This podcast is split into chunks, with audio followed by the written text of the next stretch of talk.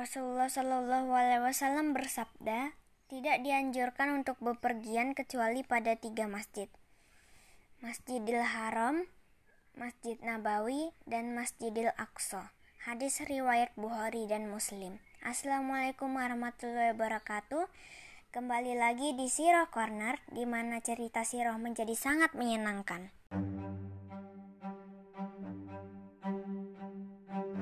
Batu yang pernah ditulis Yakub itu sebenarnya batu biasa, tak ada kekuatan atau kemampuan apa pun yang dimilikinya. Namun batu yang dicarinya juga istimewa. Di atas batu itu Nabi Adam alaihissalam pernah mendirikan sholat. Kakeknya yaitu Nabi Ibrahim alaihissalam juga pernah mendirikan sholat dan menyembelih hewan kurban di atasnya. Jadi bukanlah sebuah kebetulan jika Yakub mengalami mimpi ajaibnya di atas batu itu. Semuanya adalah takdir Allah Subhanahu wa taala. Nabi Yakub mengalami mimpi kenabiannya di atas batu itu. Kelak berabad kemudian, batu itu kembali menjadi saksi. Seorang nabi terakhir Muhammad Shallallahu Alaihi Wasallam menjadikan batu itu sebagai pijakan ketika Mi'raj bertemu Allah Subhanahu Wa Taala di Sidratul Muntaha. Sayangnya, batu itu seolah lenyap di telan bumi. Telah 20 tahun berlalu, kondisi sudah banyak berubah. Orang-orang mulai memendati Yabus. Rombongan Nabi Yakub alaihissalam akhirnya sampai di kampung Abu Suhaim. Berdegup jantung Yakub, ia merasakan apa yang ia cari ada di kampung ini. Benarlah ia bertemu apa yang ia cari. Batu itu berada di kebun Bani Humur Abu Suhaim.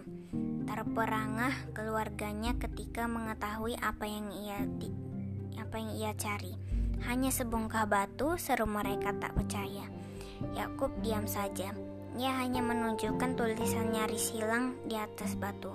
Betlel, rumah suci untuk beribadah. Aku sudah berjanji akan membangun tempat beribadah di sini. Kenang Yakub sambil berlalu. Ia kini mencari sang pemilik kebun. Setelah bertemu dengan pemiliknya, Yakub berusaha membujuk akar kebun itu dijual. Awalnya sang pemilik menolak, namun akhirnya ia bersedia ketika mendengar tawaran Yakub. Kebun itu dijual dengan 100 ekor biri-biri betina. Harga yang cukup mahal untuk kebun yang belum menghasilkan. Namun Yakub tak peduli. Ia hanya ingin janjinya kepada Allah terwujud. Di atas tanah itu, Yakub lalu membangun perkemahan untuk keluarganya. Di dekatnya di dekatnya dibangun sebuah tempat penyembelihan hewan kurban. Yakub pun memenuhi janjinya kepada Allah. Allah Subhanahu wa taala kemudian mewahyukan kepada Yakub untuk mendirikan tempat ibadah di sana. Itulah Baitul Maqdis, rumah yang suci. Tempat itu merupakan tempat ibadah kedua yang dibangun di muka bumi. Setelah Baitullah di Mekah, Baitul Maqdis terus diperluas. Allah Subhanahu wa taala menjadikan tempat ini sebagai tempat ibadah lagi keturunan Yakub. Nabi Yusya bin Nun membuat kubah zaman di sana. Nabi Daud alaihissalam membangun mihrab tempatnya beribadah. Selanjutnya Nabi Sulaiman alaihissalam mendirikan masjid besar dan megah di sana.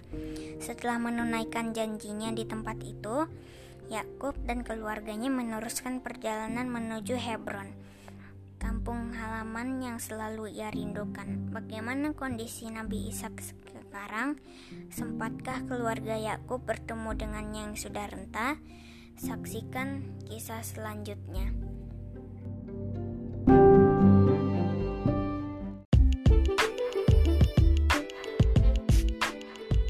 Nah, bagus kan ceritanya?